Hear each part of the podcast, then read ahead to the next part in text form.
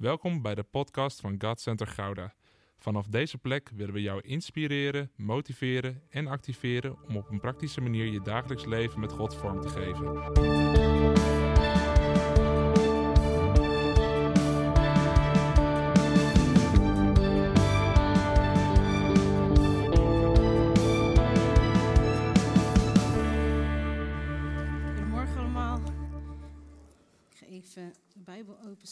Een slokje water nemen. Yes. Ik wil vertellen, ik was eh, afgelopen week, nee vorige week was ik op het werk. En ik had een eh, gesprek met een collega van mij.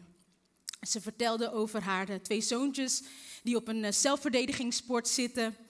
En ze vertelde, ja, niet alleen de kinderen vinden het leuk, maar ook de ouders vinden het enorm leuk, omdat er twee sportleraren zijn. En als die wat vertellen en wat uitleggen, of het nou om de zelfverdedigingssport gaat of er is een spel, er is altijd valt er wat te leren. En die ouders hangen dan aan de lippen van die leraren. En zo vertelden ze dat ehm, de kinderen een soort een variant deden van poortjestikkertje. Kent iedereen een poortjestikkertje? Nee, ik hoor niet. Oh, ik zal het even uitleggen.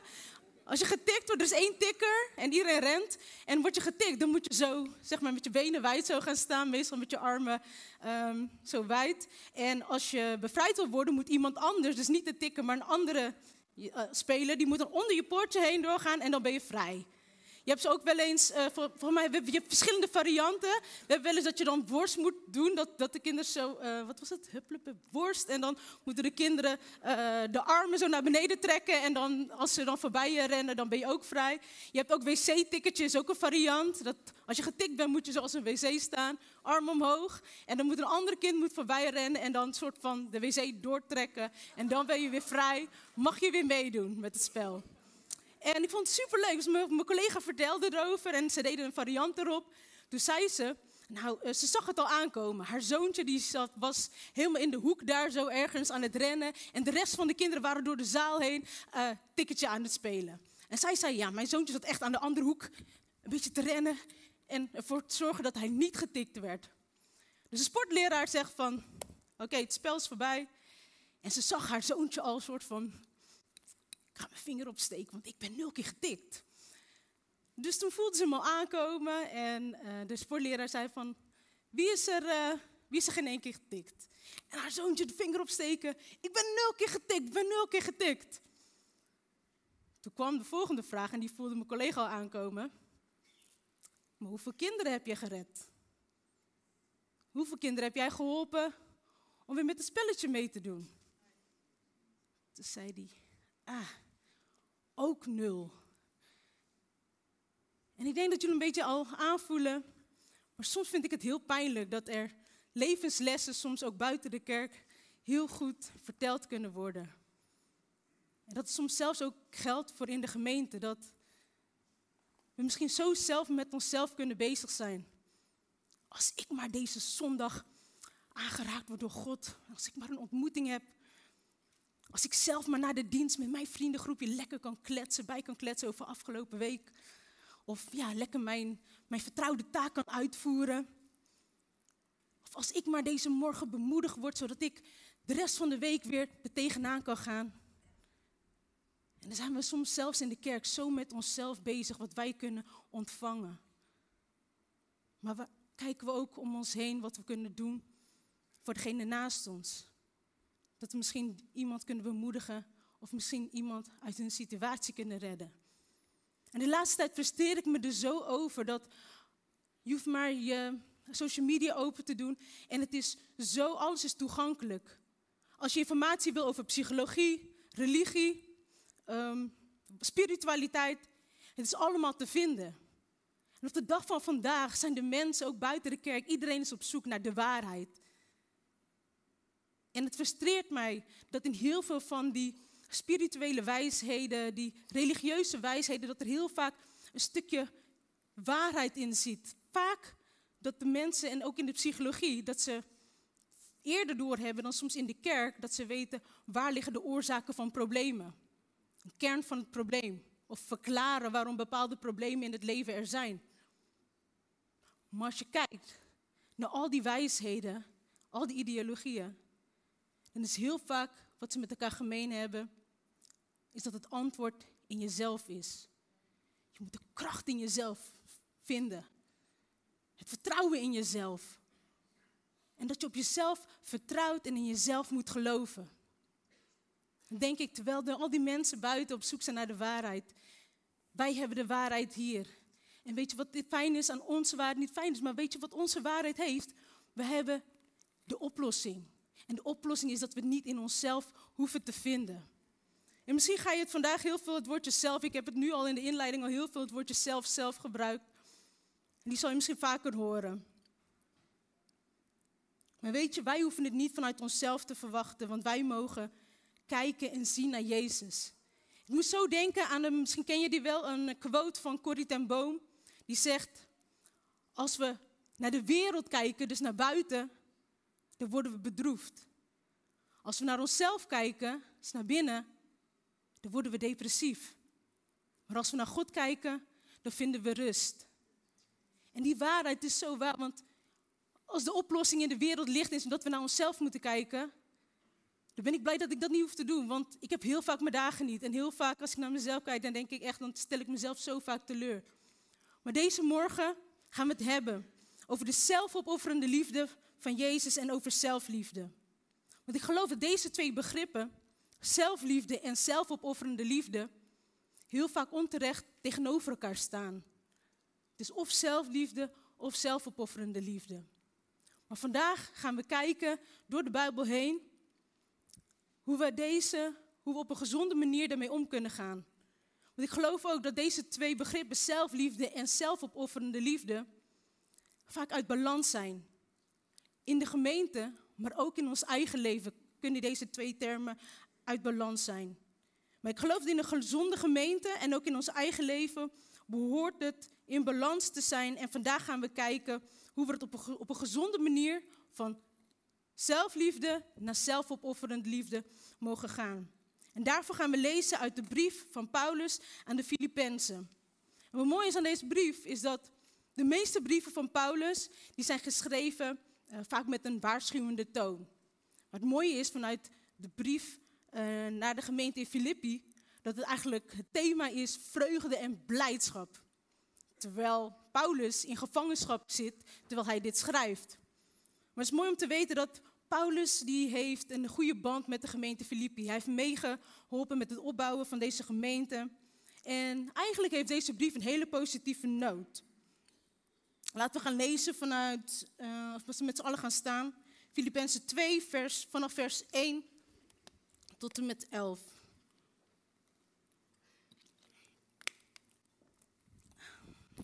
En er staat, nu u door Christus zozeer bemoedigd wordt en liefdevol getroost, nu er onder u zo'n grote verbondenheid met de geest is, zoveel hartelijk medeleven, maakt mij dan volmaakt gelukkig door eensgezind te zijn.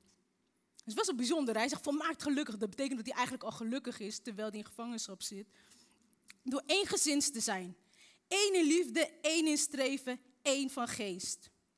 vaak wordt deze tekst al apart genomen en dan kan daar een hele dienst of een hele preek van gemaakt worden over de eensgezindheid van de gemeente. Maar dan gaat het om de volgende vers, daar gaat de, de preek van vandaag over. Gaat Paulus uitleggen wat het dan betekent.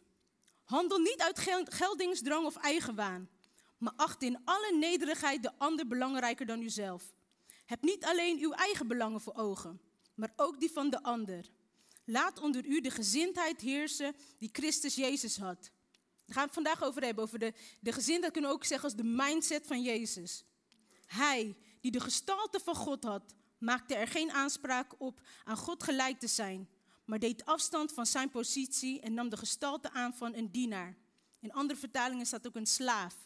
Hij werd gelijk aan de mensen en als mens verschenen heeft hij zich vernederd en werd gehoorzaam tot in de dood. De dood aan het kruis. En dat is wat wij aankomende vrijdag met Goede Vrijdag mogen herdenken. Daarom heeft God hem hoog verheven en hem de naam geschonken die elke naam te boven gaat. Dat hebben we net gezongen. Opdat in de naam van Jezus elke knie zich zal buigen. In de hemel, op de aarde en onder de aarde. En elke tong zal beleiden, Jezus Christus is de Heer. tot eer van God de Vader. Amen. Mag je gaan zitten. En ik wil met jullie gaan kijken naar die mindset die Jezus had. Want hoe kunnen we naar die termen op een gezonde manier kijken? Als eerste zien we de eerste paar, vanaf uh, vers 3, staat erop, handel niet uit geldingsdrang of eigenwaan, maar acht in alle nederigheid, uh, alle nederigheid de ander belangrijker dan uzelf. Wat heel vaak gedaan wordt, is dat we deze tekst nemen, en heel veel mensen zijn opgegroeid met deze tekst. Ook in de gemeente, dat acht de ander belangrijker dan uzelf. Punt. Maar we vergeten vaak dat er achteraan komt, in vers 4, heb niet alleen uw eigen belangen voor ogen, maar ook die van de ander. En als we de tekst in het geheel lezen, dan zien we dat jij bent niet belangrijker dan de ander, maar de ander is ook niet belangrijker dan jij. En dat komt eigenlijk overeen met Matthäus 22, vers 37, dat Jezus zegt, gaat over het grote gebod, heb de Heer uw God lief met heel uw hart en met heel uw ziel en met heel uw verstand. Dat is het grootste en eerste gebod. Het tweede is daaraan gelijk, heb uw naaste lief als uzelf. En heel vaak leren we, of dan nemen we tot ons, heb uw naaste lief. Punt. Maar een stukje als uzelf vergeten we. Deze twee geboden zijn de grondslag van alles wat er in de wet en in de profeten staat. Als we kijken naar hoe het in het Oude Testament was, waarom de wet er was, de tien geboden, dan ging het eigenlijk best wel om zelfrechtvaardiging. Ja, er stond erop dat, um, dat je je naaste lief moest hebben, maar je moest je houden aan de geboden, omdat uiteindelijk was dat, als je je houdt aan de geboden, dan ben je rechtvaardig en dan kan je tot God naderen. Gelukkig wist God dat wij dat niet vol zouden houden, wij als mensen, dat wij aan alle tien geboden ons konden houden. Dus heeft God in het Nieuwe Testament, mogen wij onder een nieuw verbond, mogen wij vallen. En dan zien wij dat uiteindelijk kunnen we onszelf niet rechtvaardigen, maar mogen we opzien naar Jezus. In het nieuwe verbond zie je ook dat de focus verlegd wordt. De focus wordt ook meer als we kijken naar het stukje naaste liefde. Dan zien we daar waar in het Oude Testament de richtlijnen waren om naar te leven, zien we dat in het Nieuwe Testament dat Jezus de focus legt op oprechte naaste liefde. Niet om in gunst van God te komen, maar dat, hij gaat zelfs verder dat je zelfs je vijanden lief moet hebben. En in de focus in de kerk, maar ook buiten, wordt heel vaak de focus gelegd op naaste liefde. Op de ander en soms is het erin geslopen en zelfs in de kerk, misschien de kerk waar je eerder bent heen geweest, dat het erin is geslopen dat naaste liefde boven jezelf staat. Maar de staat heeft u naaste liefde als uzelf. En het kan een valkuil zijn, want het klinkt zo nobel van, oh, we moeten de ander hoger achten dan onszelf. En het gevaar kan dan zijn dat je zo aan het dienen bent voor God en zo aan het dienen, je naaste aan het dienen bent, dat, je, dat het belang van de ander boven jouw eigen belang gaat. En ik dacht bij mezelf, van, maar het staat eigenlijk heel duidelijk in de Bijbel. In twee teksten, twee verschillende teksten die we lezen, staat er heel duidelijk. En ik vroeg God af, maar waarom hebben zoveel mensen er zo'n probleem mee? Dat het soms heel makkelijk is als je in de kerk komt, van oh ja, je naaste liefhebben, maar dat mensen ermee struggelen. En ik kwam erachter dat het heel vaak is als je het van huis uit hebt meegekregen. Dat vaak in het verleden wanneer jouw belang eigenlijk in het verleden nooit ertoe deed, is het veel makkelijker om deze tekst uit zijn verband te gaan nemen en dan te denken: hé, hey, het is makkelijker om het belang van de ander voor ogen te zien. Omdat jouw belang, wat jij belangrijk vond, wat voor jou van waarde is, dat heeft er nooit echt mogen zijn. Maar naaste liefde kan niet zonder zelfliefde, als we het hebben over gezonde naaste liefde. Want als we naaste liefde zonder zelfliefde zien, dan worden we mensen die andere mensen proberen te pleasen. Anderen proberen tevreden te stellen en te voldoen aan verwachtingen van mensen of van onszelf om ons goed genoeg gevonden te worden. we gaan kijken naar een stukje, dit heb ik niet in de titel staan, maar het volgende punt is zelfverloochening. We zien dat niet in de tekst, maar als we kijken naar vers 6 en 7 van de kerntekst, zien we hij, dat is Jezus, die de gestalte van God had, maakte er geen aanspraak op aan God gelijk te zijn. Maar hij deed afstand van zijn positie. Dus de God, Jezus, de zoon van God, die de hoogste plaats had, de hoogste positie, hij koos ervoor om afstand te nemen, om helemaal naar beneden te dalen. En hij nam de gestalte aan van een dienaar. En eigenlijk nog erg, dienaar klinkt nog, oh, dat gaat dan maar. Hij nam letterlijk een gestalte aan van een slaaf. Hij werd gelijk aan de mensen en als mensen verschenen. Als we kijken naar deze tekst, dat betekende dat Jezus had de gestalte, hij zag eruit als eerst uit de gestalte van God. Dus hij zag eruit als God. Maar hij koos er vrijwillig voor om de afstand van te nemen. En hij zag er letterlijk uit, er staat op gestalte van een dienaar.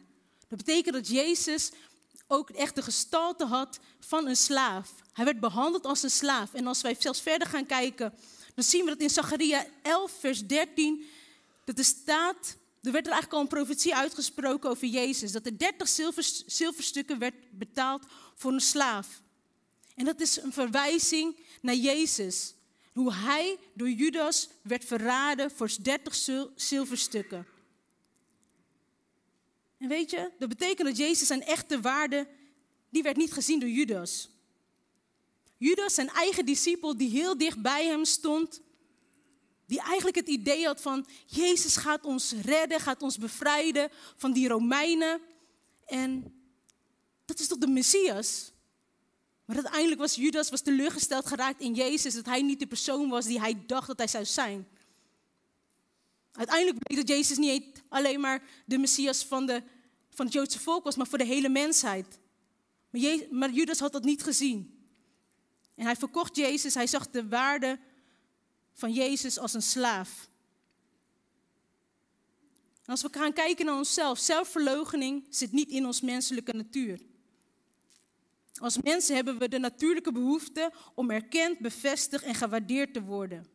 Maar in Lucas 9, vers 23 zegt Jezus, tegen alles zei hij, dus Jezus, wie achter mij aan wil komen, moet zichzelf verloochenen en dagelijks zijn kruis op zich nemen en mij volgen. Want ieder die zijn leven wil behouden, zal het verliezen. Maar wie zijn leven om, verliest omwille van mij, zal het behouden.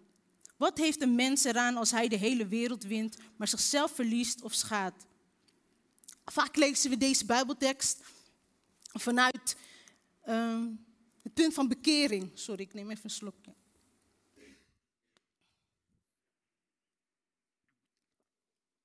Dan lezen we over dagelijks je kruis op je nemen. Op het moment dat je tot Jezus bent gekomen, laat je je oude leven achter. Maar elke dag neem je je kruis op als teken van ik, um, ik leef niet meer vanuit mijn zondige natuur, maar ik heb een nieuw leven in Jezus.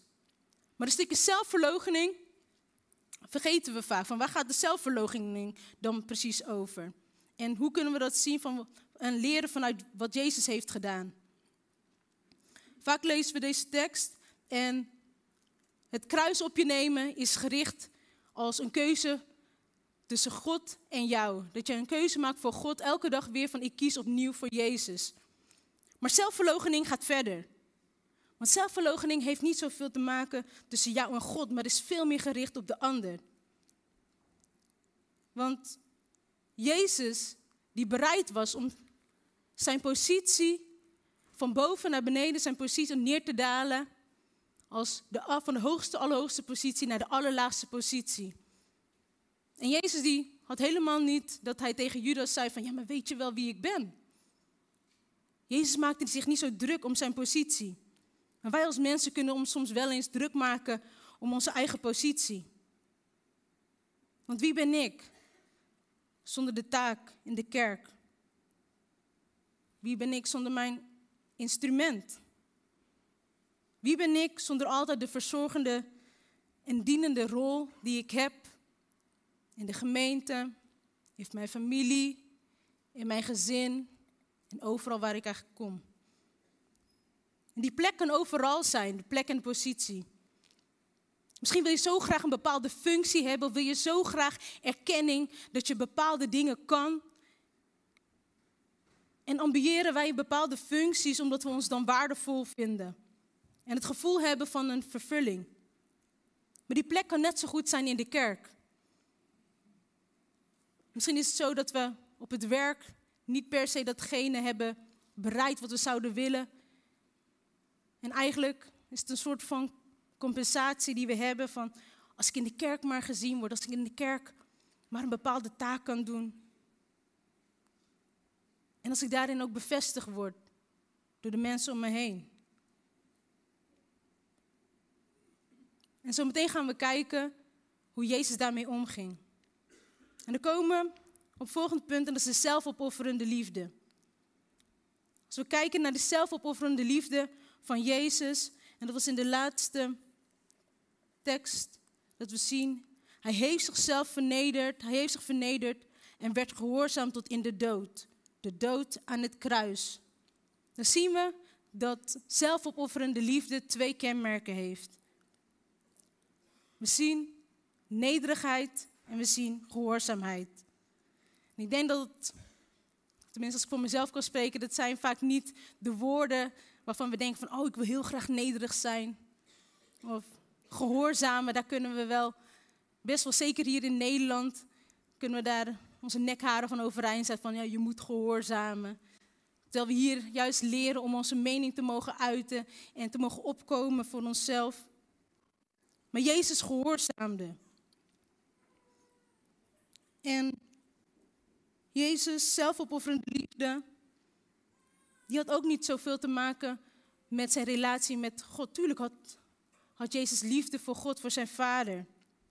Maar hij deed het niet om goed genoeg te worden gevonden door God. Met de gedachte, oh als ik mijn leven geef voor de mensheid en als ik God gehoorzaam, dan heb ik bewezen dat ik de allerhoogste plek in de hemel aan de rechterhand van God verdien. En in 1 Samuel 15, vers 22 zien we een soort iets dat ook gaat over offers. Van hoe moeten we dat dan zien? Gehoorzaamheid en offers.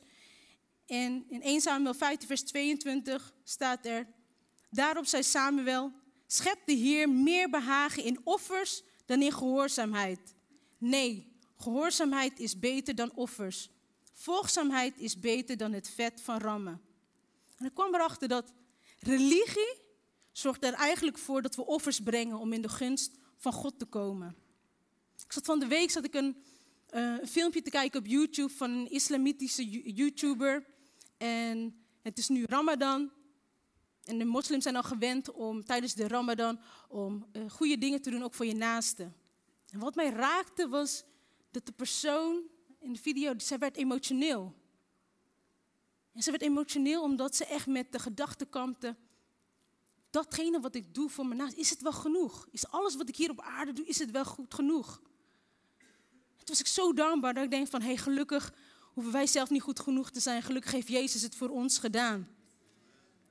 Maar soms kunnen we zelfs in de kerk in een stukje religie vallen. Dat we denken, als ik maar offer, als ik maar offers geef, of het nou geldoffers is, of het nou maar is offeren in al mijn tijd en ik doe maar alles en ik probeer te dienen overal waar ik kan.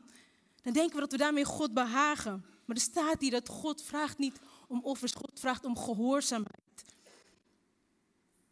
Want wanneer we offers geven, maar we zijn niet gehoorzaam, dan is het heel vaak dat we denken om van God te kunnen ontvangen. Of we denken iets te kunnen verdienen. En wanneer dat niet gebeurt, wanneer we allerlei offers geven en het gebeurt niet wat wij van God verwachten, dan kunnen we teleurgesteld raken. Ik heb opgeschreven over zelfopofferende liefde. Het heeft altijd de ander voor ogen.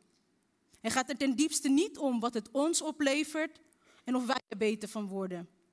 Zelfopofferende liefde kost altijd een prijs. Onze redding was niet goedkoop en niet gratis. Het kostte het leven van Jezus, die zonder zonde was. En wat kan zelfopofferende liefde dan voor jou betekenen? Misschien kan het jouw tijd betekenen, jouw kostbare tijd. Misschien jouw energie, jouw financiën. Wat mag het jou kosten? En zelfopofferende liefde is niet alleen maar voor degene die dicht bij jou staan. Dat is makkelijk. Voor je familie, je vrienden. Ik heb opgeschreven, zelfopofferende liefde maakt geen onderscheid. Want Jezus offerde zich niet alleen maar op voor het Joodse volk, voor zijn familie en voor zijn discipelen. Jezus offerde zichzelf al op al voor zijn ergste vijanden. Jezus offerde zichzelf op voor degene die hem kruisigden en voor degene die hem nooit zouden aannemen.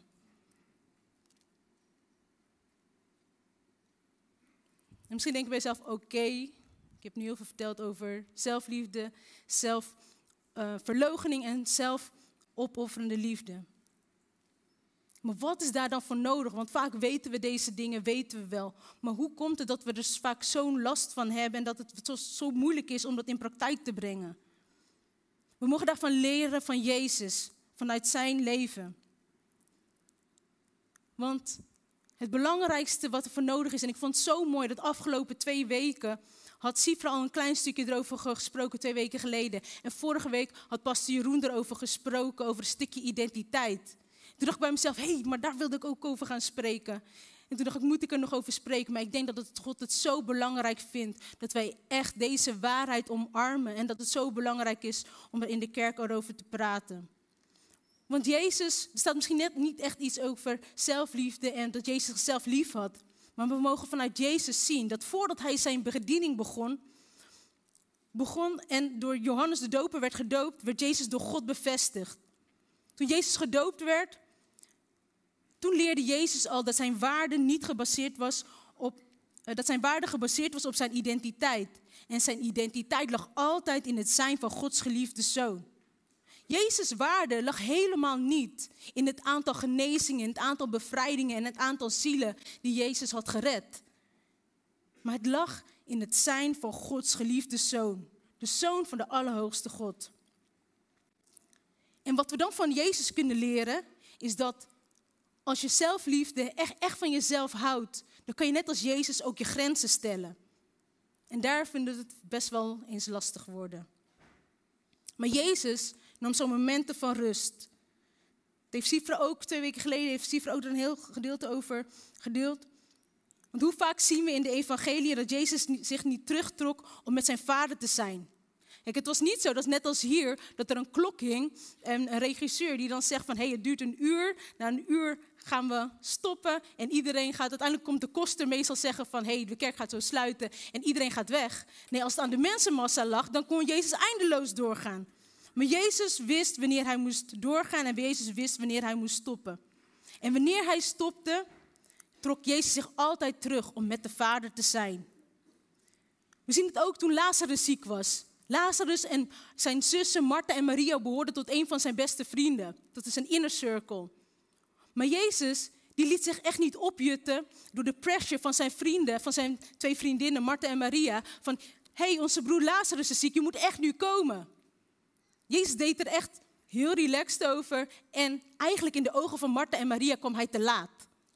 Omdat uiteindelijk Lazarus was gestorven. Maar zelfs toen bood Jezus niet eens zijn verontschuldiging aan dat hij te laat was en dat Jezus zichzelf probeerde goed te praten. Het kwam, het komt als we dat zo bekijken, komt het omdat Jezus wist dat hij zich zou openbaren als de opstanding des levens door Lazarus uit de dood op te wekken. En hier leren we van Jezus dat hij niet van andere mensen verwachtte, niet van de mensenmassa, dat zij wisten wat zijn grenzen waren. Jezus verwachtte het al helemaal niet van de Fariseërs, dat zij hem zouden begrijpen of erkennen om wie hij was.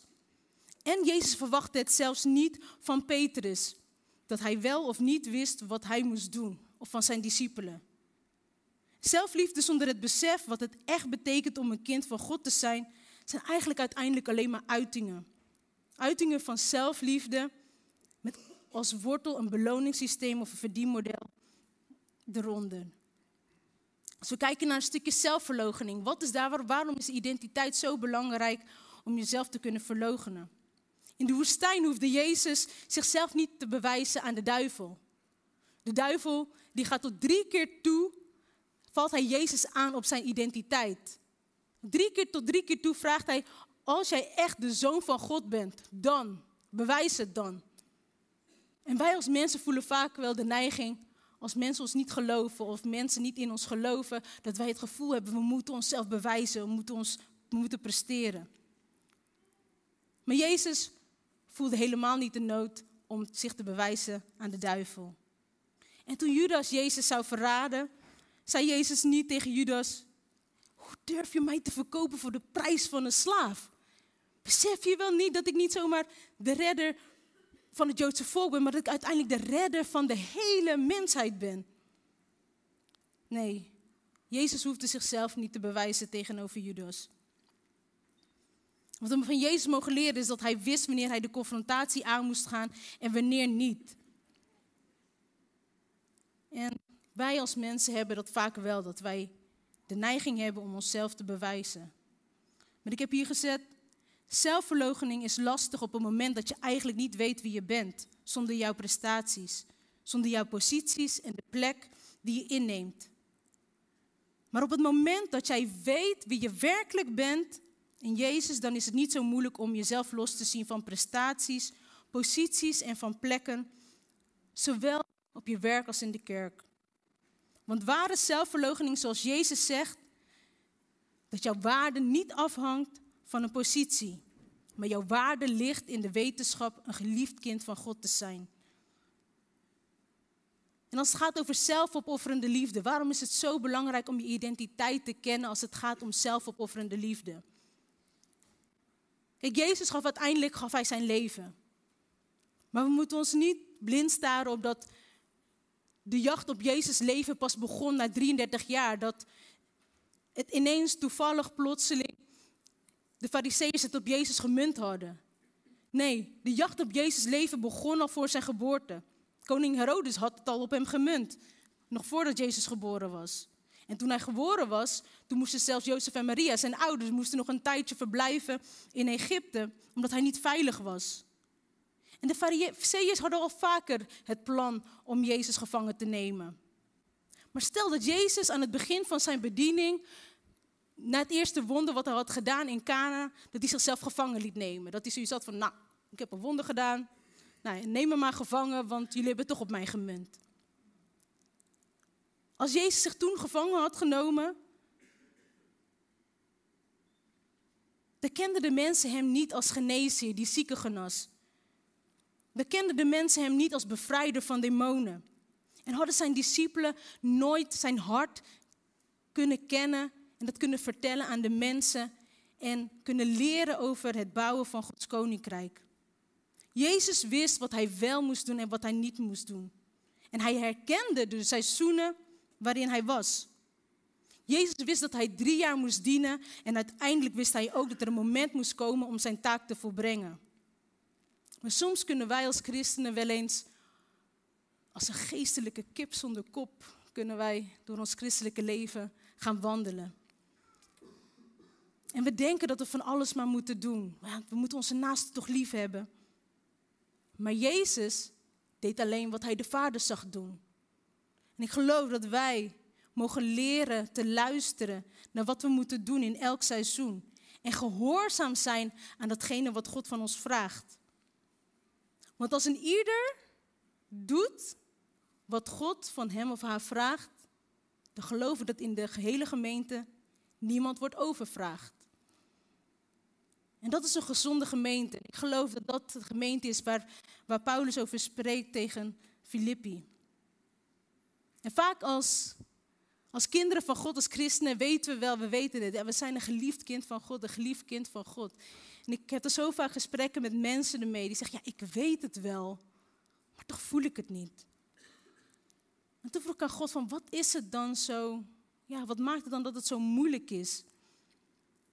Op het moment dat we weten geliefd kind van God te zijn, op het moment dat we Jezus aannemen, maar nog steeds struggelen met onze identiteit, komt het vaak omdat we onze waarden niet kennen vanuit onze identiteit. We worden een kind van God op het moment dat we Jezus aannemen, maar soms beseffen we niet ten volle dat onze waarde vooraf al was bepaald. Want jouw leven en jouw ziel was zo waardevol dat het betaald moest worden met een hoge prijs. En die kostbare prijs heeft Jezus voor jou betaald. Dus dat betekent dat jouw waarde vooraf al was betaald. Nog voordat jij Jezus kende, nog voordat je geboren was en nog voordat je al je taken hier in de gemeente deed. En ik wil dan een kort voorbeeld geven van iets wat wij persoonlijk hebben meegemaakt. En dat was echt een openbaring dat God mij gaf. Vorig jaar hebben Dave en ik hebben een uh, miskraam meegemaakt, een jaar geleden. En we hadden uh, een embryo via IVF. En ik benoem het bewust een miskraam. Want ik krijg heel vaak van mensen krijg je de vraag, maar hoe ver was je dan?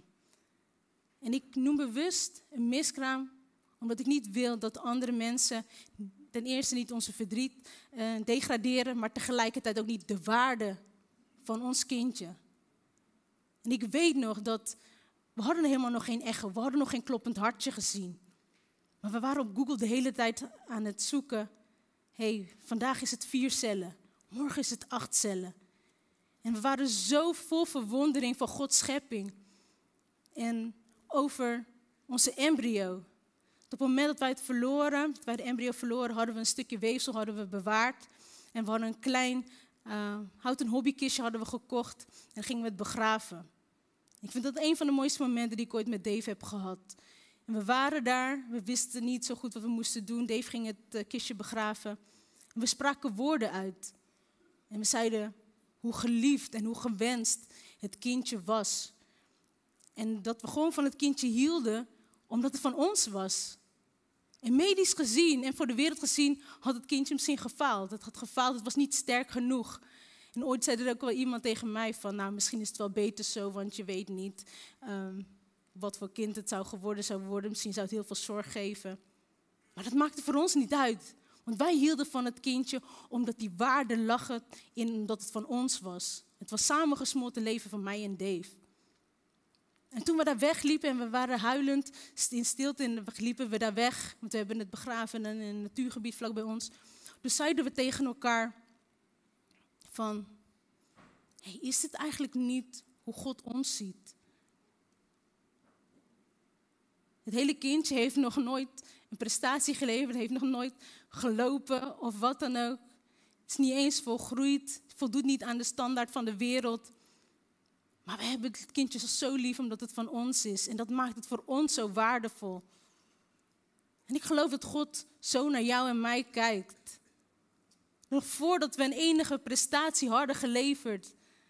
Dat Hij jou zo waardevol vond. En vandaag de dag dat Hij jou zo waardevol vindt dat je deze waarheid hoort.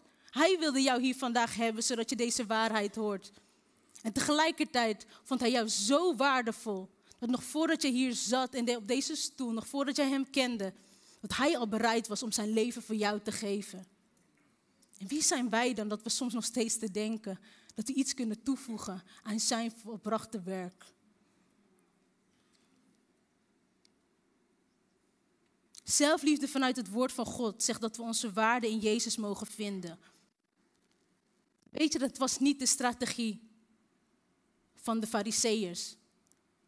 Het was niet de afwijzing van de discipelen. Of het was niet eens de geweld van de Romeinen, wat Jezus aan het kruis had genageld. Het was zijn zelfopofferende liefde voor jou en mij, wat hem aan het kruis genageld hield. Vrije wil, omdat hij jou voor ogen had en omdat hij jou zo waardevol vindt. En als antwoord op die zelfopofferende liefde mogen wij voor hem leven. Want wanneer we geestelijk ten diepste beseffen wat die zelfopofferende liefde betekent, dan zou het in het natuurlijke eigenlijk logisch moeten zijn dat we zeggen: hey, die liefde, die wil ik beantwoorden door mijn leven weer te geven voor Jezus en door mijzelf op te offeren voor de ander. En niet om zijn liefde te verdienen of te behouden of misschien uit angst zelfs om zijn liefde te verliezen. Maar dat wij deze liefde niet voor onszelf kunnen houden.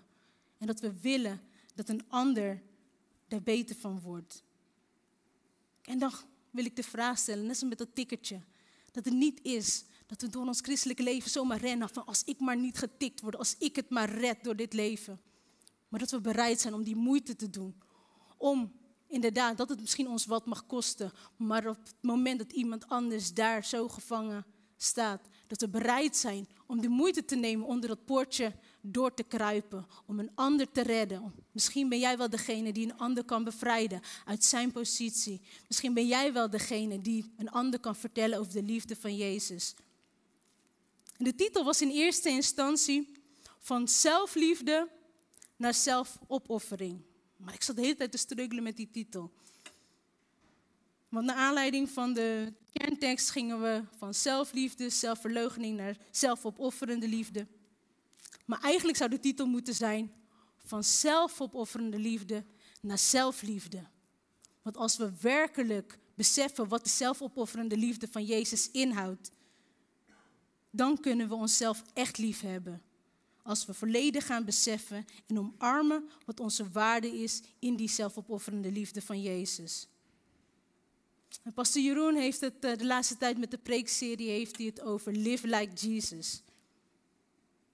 Maar misschien is vandaag een hele andere vraag. Ben je ook bereid om te sterven als Jezus? En niet de kruisdood, want dat kunnen we niet. En dat hoeven we gelukkig ook niet.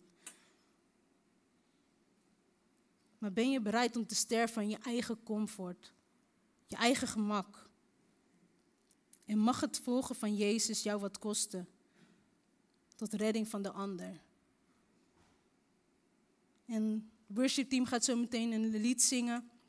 En als dat zo is, dan mag je daar antwoord op gaan geven als we dat lied gaan zingen. Want ik ga daar niet een aparte oproep voor doen. Maar voordat we dat gaan doen, ervaar ik echt deze morgen in mijn voorbereiding dat God vandaag zoveel mensen wil herstellen in de identiteit. En deze is voor de mensen waarvan je weet van ik weet een kind van God te zijn. Ik weet het wel. En ik heb vaker van mij laten bidden. Maar je merkt deze morgen dat er nog triggers zijn van als we het hebben over grenzen stellen. Misschien merk je dat je zo vaak opgebrand bent. Je vindt het zo moeilijk om nee te zeggen. En in mijn voorbereiding ervoer ik echt dat sommigen niet durven te erkennen. Je weet eigenlijk waar de oorzaak in ligt. In vroeger, in dingen die gebeurd zijn. Maar ik geloof dat sommigen niet durven te erkennen waar die echte pijn vandaan komt. En ik ervaar dat bij sommigen echt zit dat je dingen zijn aangedaan, ook door ouders, door familieleden. Maar vanuit die loyaliteit, sommige mensen hebben zo'n loyaliteit naar hun ouders toe. Dat je weet dat het probleem daar zit, maar je wilt het zelf niet erkennen. Maar ik geloof dat God deze morgen die wortel van afwijzing eruit wil halen. En als hij die wortel van afwijzing eruit haalt, dan pas kan jij geworteld worden in de liefde van Christus, in de liefde van Jezus. Want misschien heb je er vaker voor laten bidden. En misschien kan jij niet meer het goed maken met degene die jou pijn hebben gedaan. Die mogelijkheid is er misschien niet. Maar als jij merkt dat je nog steeds de behoefte hebt om die erkenning te ontvangen van degene die jou pijn hebben gedaan. En als dat niet meer kan, dat je toch ervaart, hé, hey, ik merk dat ik nog steeds erkenning en bevestiging verwacht van anderen. Dan geloof ik dat God vandaag aan jou wil vragen, ben jij bereid om, om mij toe te laten, om, mij te, om je te laten bedienen door de Heilige Geest.